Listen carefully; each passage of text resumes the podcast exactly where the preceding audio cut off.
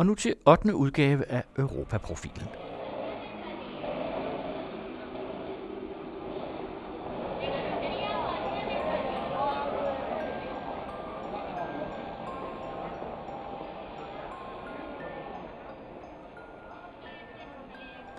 Vojens Fjernvarmes bestyrelse inviterer til indvielse af verdens største solvarmeanlæg og damvarmelager. Og begivenheden finder sted fredag den 12. juni, altså lige om lidt fra kl. 12 til 17 på Tingvejen 47 i Vojens. Er du lige i nærheden, inviteres der på lidt mad og drikke. Verdens største solvarmeanlæg, som altså ligger i Vojens og er på 70.000 kvadratmeter, er nu klar til forbrugerne ved Vojens Fjernvarme, og andre interesserede kan komme for at besigtige anlægget. I forbindelse med anden etape solvarmeanlæg er der bygget et damvarmelager på 200.000 kubikmeter, som også er verdens største af sin art. Derudover er der en produktionsbygning med pumper og varmevekslere. Velkommen til den anden radios aktuelle Europaprogram, Europa-profilen, der her i foråret i særlig grad fokuserer på EU's klima- og energipolitik og EU og den grønne omstilling. Programmerne produceres med støtte fra Europanævnet og Beluxfonden. Mit navn er Annette Brun Johansen. Et af de vigtigste europapolitiske pejlemærker op til 2020 er, hvad EU-landene kan enes om på miljø- og klimaområdet kan EU-parlamentet fastholde de nye langsigtede mål, og hvordan skal de føres ud i livet? Er EU i stand til at vise klimapolitisk lederskab op til det store klimatopmøde COP21 i Paris senere på året og samle verden om den grønne dagsorden? Kan der landes en klimaplan, der sikrer EU's globale førerposition?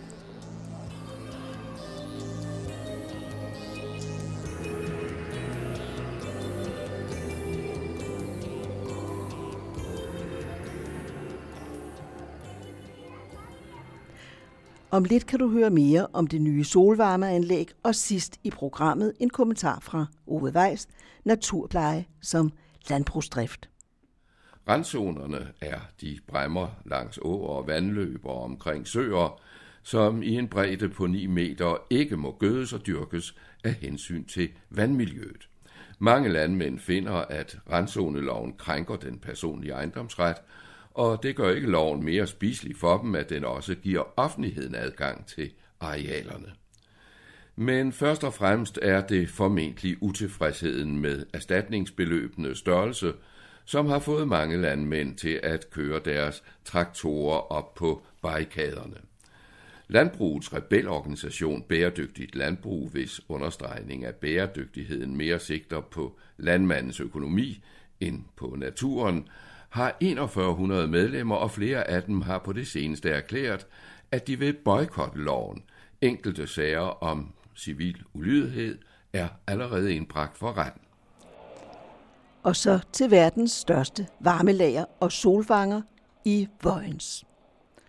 203.000 kubikmeter varmt vand fra 70.000 kvadratmeter solfangere skal levere 45 procent af varmebehovet hos 2.000 fjernvarmekunder i Vojens. Med et solvarmeanlæg på 70.000 kvadratmeter og et nedgravet varmtvandslager på 203.000 kubikmeter lægger Vojens fjernvarme sig helt i spidsen, hvad angår størrelsen af solvarmeanlæg i Danmark og dermed også i verden. Arne Holm, forretningsfører i Vojens Fjernvarme, som står for det store solvarmeanlæg i Vojens Kommune i Jylland. Hvordan går det til, at et så stort anlæg bygges netop her? Øh, jamen det er fordi, at øh, det passer til det øh, forbrug, vi har. Det er sådan, at øh, Vojens Fjernvarme, der er der 2.000 forbrugere, og vi producerer 60.000 megawatt varme om året. Og solvarmen, den leverer sig cirka halvdelen. Og det vil sige 30.000 øh, megawatt. Og det passer lige med det anlæg, vi har fået. Men hvordan er det sådan uh, rent politisk kommet i stand, at der er blevet bygget så, så stort et anlæg, som jo altså skulle være verdens største? Det har noget at gøre med, at vi uh, fyrer med gas, og vi er faktisk uh, stavnsbundet til gas. Men vi må godt uh, få et solvarmeanlæg, og vi må også få en elkedel, og det har vi så også fået. Og derfor så passer det med de der cirka halvdelen af energien, der kommer fra solen, og resten det er så elkedel og gaskedel, der leverer varmen. Hvad er så potentialet i et bredere perspektiv? Altså nu nævnte du, hvor mange borgere, der vil blive forsynet. Ja. Hvad kan der så spares i, i CO2-udledning? CO2-udledning, der er cirka 6.000 tons, vi sparer der. Men altså, vi skal jo have et, øh, et lager for at kunne gemme den her solvarme. Og det lager, det er så også verdens største, indtil videre i hvert fald. Og det er så på 200.000 kubikmeter vand. Og ellers så kan vi ikke gemme varmen fra, fra sommer til, efterår og vinter. Og der var det så heldigt, at øh, der lå en grusgrav ved siden af, som vi kunne købe, og så forme som et stort hul til det her vandlager. Vil du sige, det er et grønt tiltag, som kommunen nu har, har taget et skridt hen imod? Det er ikke kommunen som sådan, der har mm. vedtaget, at vi skulle lave det her anlæg. Det er noget, vi, vi selv har, har vækset med. Og, og det er så også øh, en af de muligheder, vi, vi har. Vi har ikke mulighed for at få flis eller halm, da vi er som sagt er, er stavnsbundet til gas. Øh, det eneste, vi må, det er så det her solvarme og, og en elkedel også, øh, som vi så også har. Ja. Teknikken omkring sådan et, øh, et kæmpe anlæg, du har lige været lidt inde på det, men hvad kan du fortælle om sådan hele den tekniske side, altså når man står øh, og betragter anlægget, hvad ser man så? Man kigger ud over solvarmeparken på de her 70.000 kvadratmeter. Og derudover så er der jo et, et hav af rør i jorden, som forbinder alle de her øh, solpaneler. Og så er der så en, øh, en pumpebygning med varmeveksler. Det er sådan, at øh, det vand, der er i selve varmelager, det er ikke det samme, der kører ud i, i solvarmepanelerne. Det vand, der er i solvarmepanelerne, det er med glykol i, for det ikke fryser om dengang. Og derfor så har vi så en, en stor bygning til, der indeholder de her ting. Når man så står op på selve varmelageret, så kan man jo ikke se selve hullet, men man kan jo se, at der er en kæmpe stor du, og den er 2,3 hektar, altså det vil sige 23.000 kvadratmeter. Og det er et stort låg, og det er så også isoleret med mekanødder. Så det er anlægget øh, godt fortalt. Det økonomiske rationale, kan du sige noget om det? Øh, jeg kan sige, at øh, med gas, og vi skal have 1 megawatt varme ud af den, så skal vi betale 425 kroner. Og hvis vi skal have 1 megawatt varme ud af solvarmen, så skal vi betale 350 kroner. Øh, det er sådan, som landet ligger lige i øjeblikket med de gaspriser og afgifter, vi har. Og at solen skinner som normalt i Vojens. Hvad siger indbyggerne eller beboerne i, i, i Vojens til det, der så kommer til at ske nu? Altså, vi har kun hørt uh, positive mm. tilbagemeldinger. Og det er også uh, klart, når vi, når vi så også får en økonomisk fordel ud af det. Det ser rigtig godt ud. Hvilke firmaer har der været samarbejdet med for at få etableret solvarmeanlægget? Ja. Det er så Arkom øh, Solar, der har leveret øh, solvarmepanelerne. Og Tjærborg Industri, de har gravet rør ned og svejset rørene sammen i jorden.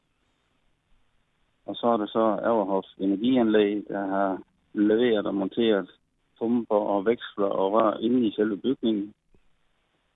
Og det er Christian Johansen, der har gravet øh, hullet, så det får sådan en passende form. Det er også dem, der har leveret bygningerne. Så der har været en del logistik, der skulle falde på plads? Ja, vi har så også haft uh, Rambøl som rådgiver. Mm. Der har været meget logistik indover, ja. Og I åbner til det planlagte tidspunkt? Ja, vi har jo snydt lidt, så vi er jo i gang med at, at producere varme på, på anlægget, men det er rigtigt, vi holder jo indvielse her den 12. juni. Du hørte Arne Holm, forretningsfører i Vojens Fjernvarme.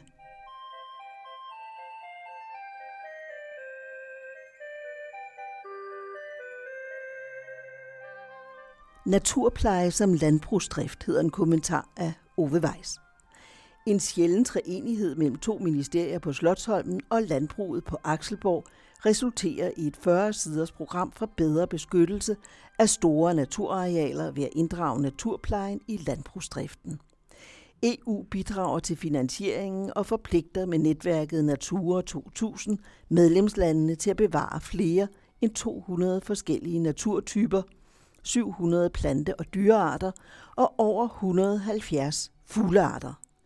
I Danmark er der 252 Natura 2000 områder, som tilsammen udgør 9 procent af landets areal. Det svarer til hele Fyn med omliggende øer. Ove Weiss orienterer. Citat. Vi skal i højere grad arbejde med at udvikle naturpleje som en driftsgren i landbruget, for det vil gavne både erhvervet, naturen og vores mange truede og sjældne dyr og planter. Sagt af skovrider Jesper Blom Hansen fra Naturstyrelsen under Miljøministeriet. En anden embedsmand, enhedschef Sten Bunde fra Naturerhvervsstyrelsen under Ministeriet for Fødevare, Landbrug og Fiskeri, supplerer citat. Vi har allerede sørget for, at landmanden får højere tilskud til græsarealer, hvor han ikke kan få den almindelige hektarstøtte.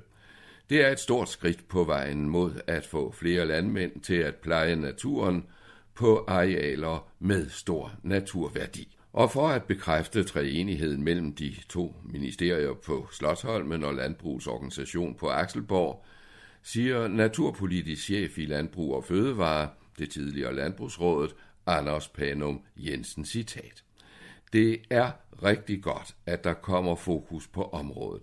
Landmændene er nogle af vores største naturforvaltere, og derfor er det helt afgørende, at det i langt højere grad gøres attraktivt at eje og pleje naturen, også i de tilfælde, hvor det sker side om side med intensiv landbrugsproduktion.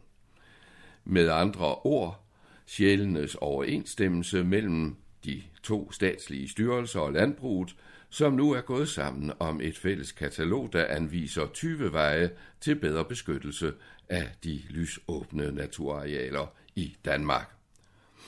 Det er jo andre toner end dem, da de senere år er hørt om randzoner, som nærmest er blevet kampzoner mellem det politiske flertal på Christiansborg og store dele af landbruget. Randzonerne er de bremmer langs åer og vandløb og omkring søer, som i en bredde på 9 meter ikke må gødes og dyrkes af hensyn til vandmiljøet.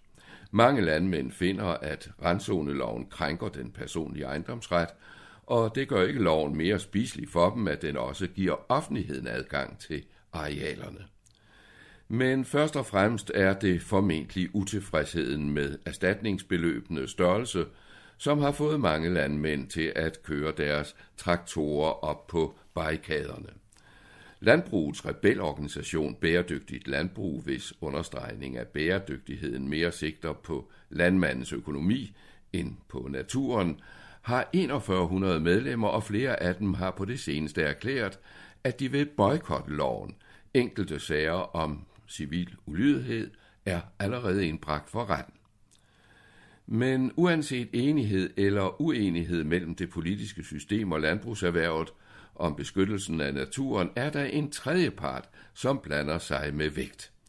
Det er Natura 2000, som er betegnelsen for netværket af beskyttede naturområder i EU, altså de arealer, som ikke kan eller bør udnyttes til intensiv dyrkning. Grundlaget er EU's naturbeskyttelsesdirektiver, som består af fuglebeskyttelsesdirektivet og det såkaldte habitatdirektiv helt tilbage fra 1992, der skal tage vare på, som det hedder i direktivet, den biologiske mangfoldighed på stedet. Direktiverne forpligter EU's medlemslande til at bevare flere end 200 forskellige naturtyper, 700 arter af planter og dyr og over 170 fuglearter, med særlig vægt naturligvis på de truede arter. Det skal landene gøre ved at udpege særlige levesteder for arterne. I Danmark er der i dag 252 Natura 2000 områder. De udgør til sammen 9 procent af landets areal. Det svarer til hele Fyn med omliggende øer og 18 procent af havet omkring Danmark. Her gælder særlige regler for jagt og fangst og for beskyttelse af arter og naturtyper, og samtidig stiller direktiverne krav om overvågning, jævnlig rapportering om naturens tilstand og om grundig information. Det 40 sider lange katalog fra de to styrelser og landbruget kommer til at spille en væsentlig rolle i bevaringsindsatsen, overvågningen og ikke at forglemme orienteringen af både offentligheden og de lodsejere og dyreholdere, som arbejder med problemerne til daglig. Programmets 20 afsnit bygger på analyser foretaget af eksperter fra Naturstyrelsen, Naturerhvervsstyrelsen og fra SEGES, som er det tidligere videnscenter for landbrug. Hovedformålet er at gøre naturbeskyttelsen til en del af den daglige landbrugsdrift og hjælpe de landmænd og låsejere i almindelighed, som er indstillet på at gå i gang med de ofte ressourcekrævende opgaver, målt i både tid og penge.